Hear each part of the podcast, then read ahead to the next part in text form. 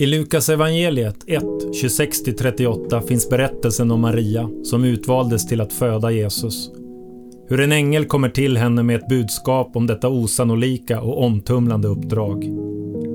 Det är en stark bibelberättelse om ödmjukhet och överlåtelse, att våga utan att veta vad det innebär. Det är en bibeltext som har något att säga till oss när vi står vid vägskäl, när något nytt väntar, men också mitt i allt vanligt. Här är texten flyttad till nutid, från Bibelns Maria till en Maria i en stad nära dig. En vanlig dag. Den kyliga luften fick de flesta att trampa på stället och gömma sig i halsdukar och bakom uppfällda kragar. Ankelsockor och vinterväntan på en buss är en dålig kombination, men där stod de i en ostrukturerad klunga med utandningsluft som bildade rökmoln. Mitt i klungan stod en tjej. Det var inget särskilt som utmärkte henne, hon var en i mängden. Armarna runt sitt datorfodral, på axeln hängde en väska. Hon hade något tomt i blicken, vilket väl alla ungdomar på en tidig busshållplats har. Men detta var ingen dussindag i Marias liv. Det var något frånvarande men samtidigt närvarande över henne.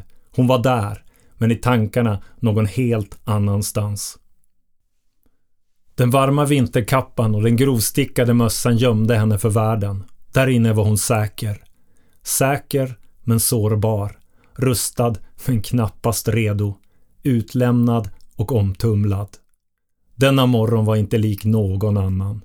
Men där och då, när de första solstrålarna tävlade om att komma först över trädtopparna, då visste ingen någonting.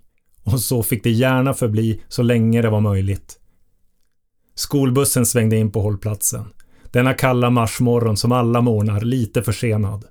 I varje fall om man skulle tro den gamla tidtabellen som envist, år efter år, hängt på busskurens vägg. Ingen brukade titta på tabellen för alla visste är det skola går bussen lite innan halv åtta med en enda uppgift, fyllas av morgontrötta elever och köra dem in till stan. Eventuella glasögon immade igen när bussdörren öppnats och den väntande klungan klivit ombord. Men väl inne bildade värmen i bussen en avslagen och slö känsla. Morgontrötta elever, där ingen orkade annat än att plugga i hörlurarna och halvsova till vad man ansåg vara passande musik för den icke-sysslan.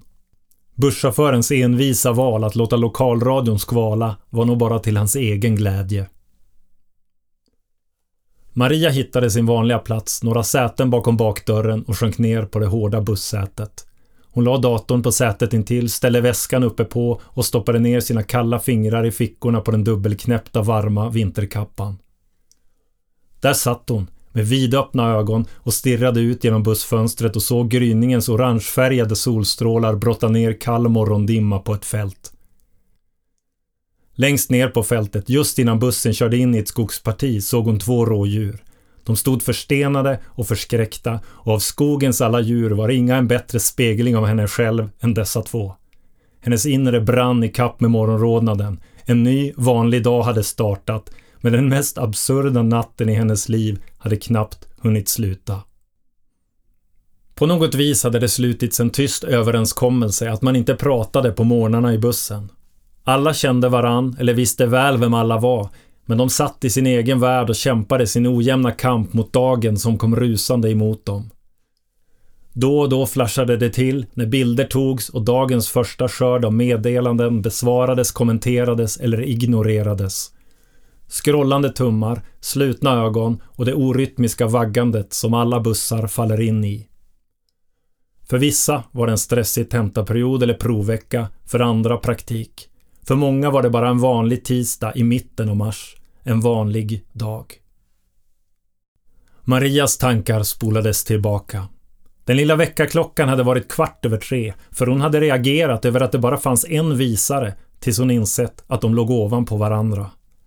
Var hälsad du högt benådade, eller kanske ska jag säga Hallå lyckost!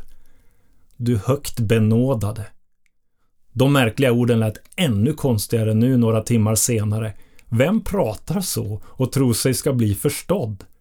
Där hon satt i sin hemstickade mössa som gömde både ett otvättat hår och allt för oförberedda tankar kring nationella provet i svenska, då var känslan av benådning skrattretande. Hon drog sin kappa tätare runt sig, lutade huvudet mot nackstödet och blundade. Bara för att se allt en gång till. Bara för att höra orden igen. Var inte rädd Maria! Du har funnit nåd hos Gud. Alltså wow, det finns inget större! Ljuset, öronbedövande tystnad. Hon hade känt halspulsådern banka. Ögonen hade vidgats och hon hade försökt svälja med sin torra, nyväckta mun. Klarheten och vakenheten, skönheten och skräcken i samma ögonblick. Hon hade kippat efter luft och satt sig upp i sängen, dragit täcket omkring sig och fört handen genom håret för att tvinga bort hennes stora lockar från ansiktet. Du har funnit nåd hos Gud. Sa han verkligen så? Nåd hos Gud. Vem får nåd hos Gud? Vad är det för något? Hon stannade kvar i minnet av sin egen reaktion i den omtumlande situationen. Hon hade inte vetat ifall hon skulle springa ut ur sitt rum, ropa på hennes föräldrar, gömma sig under täcket eller bara skrika rakt ut. Ilningarna som rusat längs ryggraden, atmosfären tjockare än luft. Det var långt bortom allt hon upplevt. Förstenad hade hon tvekande viskat. Vad, vad är du för något? vad, vad vill du? Det är lugnt! Gud har grejer på gång och det är därför jag är här. Svaret var lika övertygande som obegripligt och hon hade dragit täcket ännu tätare runt sig. Varelsen som fyllde rummet med sin brinnande entusiasm hade lagt armarna i kors och det var uppenbart. Han njöt av varje sekund. I hennes värld av mått och proportioner var varelsen för stor, för lång, för kraftfull, för mycket av allt. Och samtidigt just därför så rimlig och självklar. Jaha, hallå, så vill jag att ni tar av er mössor och kepsar och letar fram en penna och ett sudd. Kom på plats, tiden går. I skolans aula stod läraren på kanten av estraden och trampade otåligt på stället. Han gungade fram och tillbaka och gjorde sitt andra uppfordrande försök att tysta en sal fylld av stirriga elever på randen av ett nationellt prov. Sakta drog Maria av sig mössan och la den på väskan som låg på den tomma stolen intill. Hon drog av en hårsnodd från handleden, satte upp håret i en slarvig tofs och vilade hakan i högerhanden. In genom de skyhöga fönstren välde förmiddagssolen in. Den kalla morgonen övergick sakta till en gnistrande vacker vinterdag där de tidiga minusgraderna skulle bli takdropp och plusgrader vid lunchtid. Maria hade gett vad som helst för att byta denna dag mot en till i fjällen med familjen. Hellre sportlov än nationella prov, hellre superunderställ än en kall skolaula eller skidliftar med rumpvärmen iskalla hårda trästolar. Hon drog ett djupt andetag och trummade nervöst på pennfodralet. Tvärs över rummet såg hon Felicia och bakom henne Ellen. Hon sökte deras ögon, men de var redan halvvägs in i provtransen. Det var så de kallade den. Provtransen.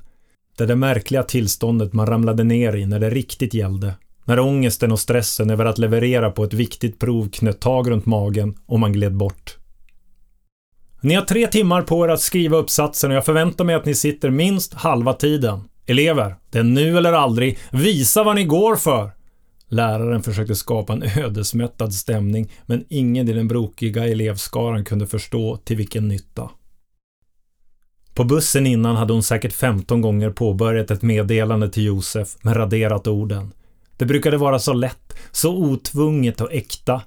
De ägdes av kärleken, denna oförtjänta makt som kan binda två personer samman. Unga, ja visst, men ändå, det var på riktigt.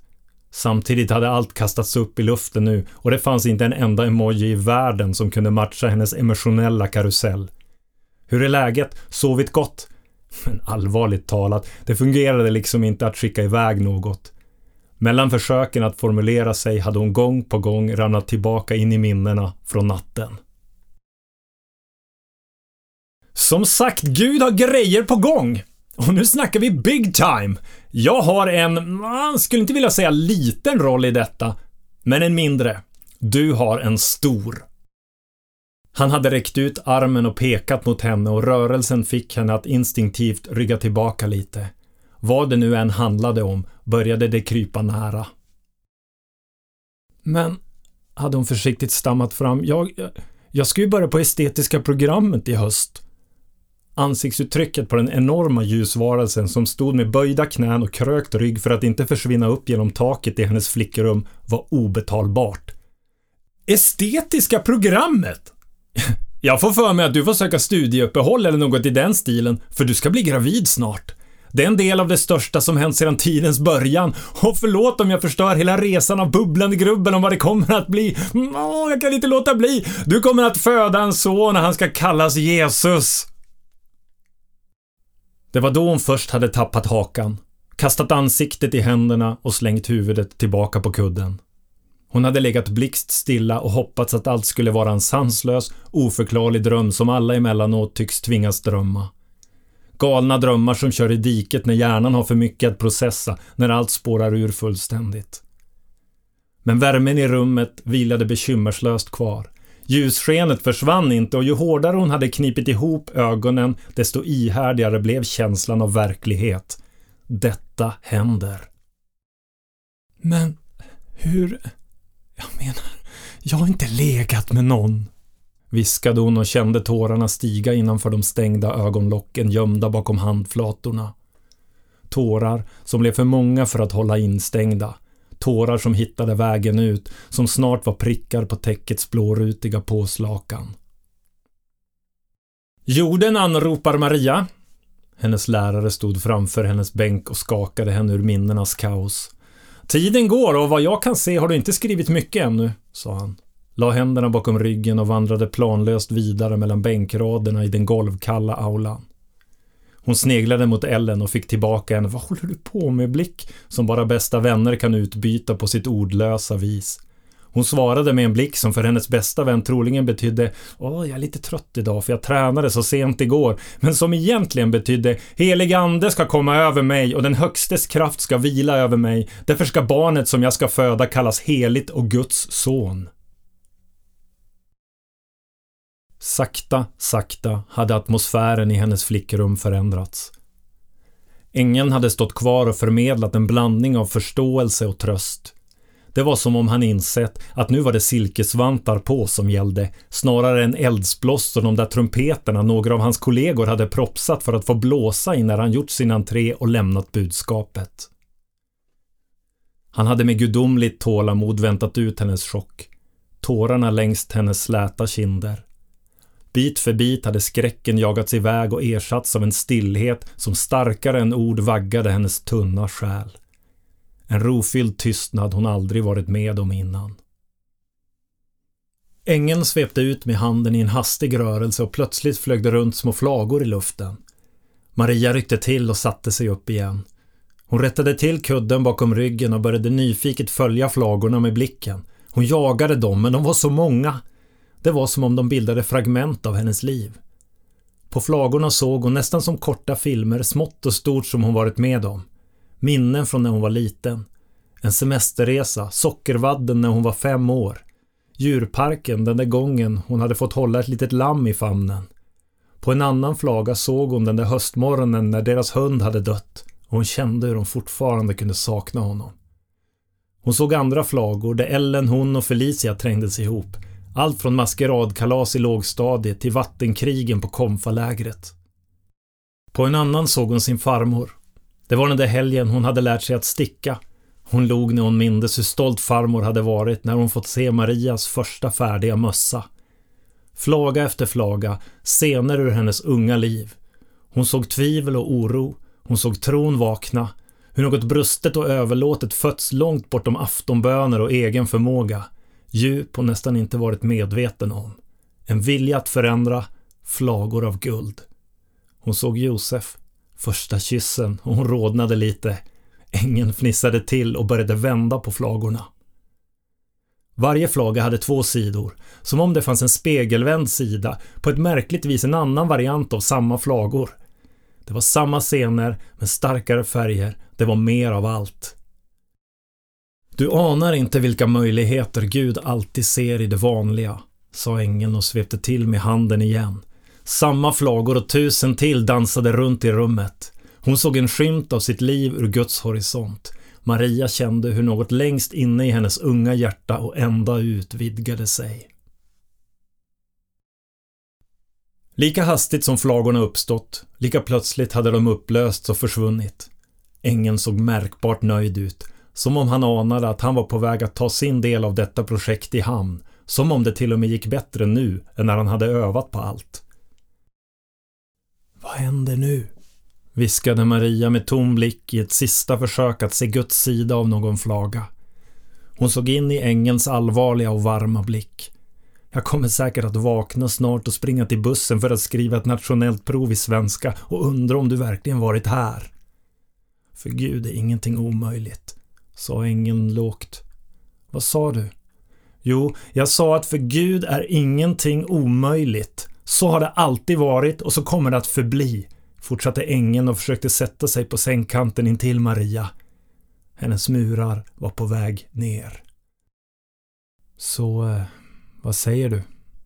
Trevade ängeln med återhållsamma band på sin svårgömda nyfikenhet. Vad tänker du? Maria satt tyst en stund. Som om hon vägde orden. Som om hon kastades mellan hopp och förtvivlan. Som om hon stavade på något men inte visste vad hon hade täckning för. Kanske för att hon inte visste hur hög insatsen var eller skulle komma att bli. Ängeln väntade. Hela himlen höll andan. Och de tidlösa orden formulerades. Jag är inte min egen. Jag är Guds. Hennes försiktiga röst växte.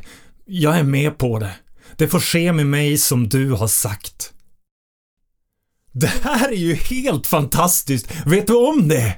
Ängeln flög upp, slog ut med armarna och vingarna. Taklampan som han slog i vajade fram och tillbaka och han kunde inte gömma på sin upprymdhet.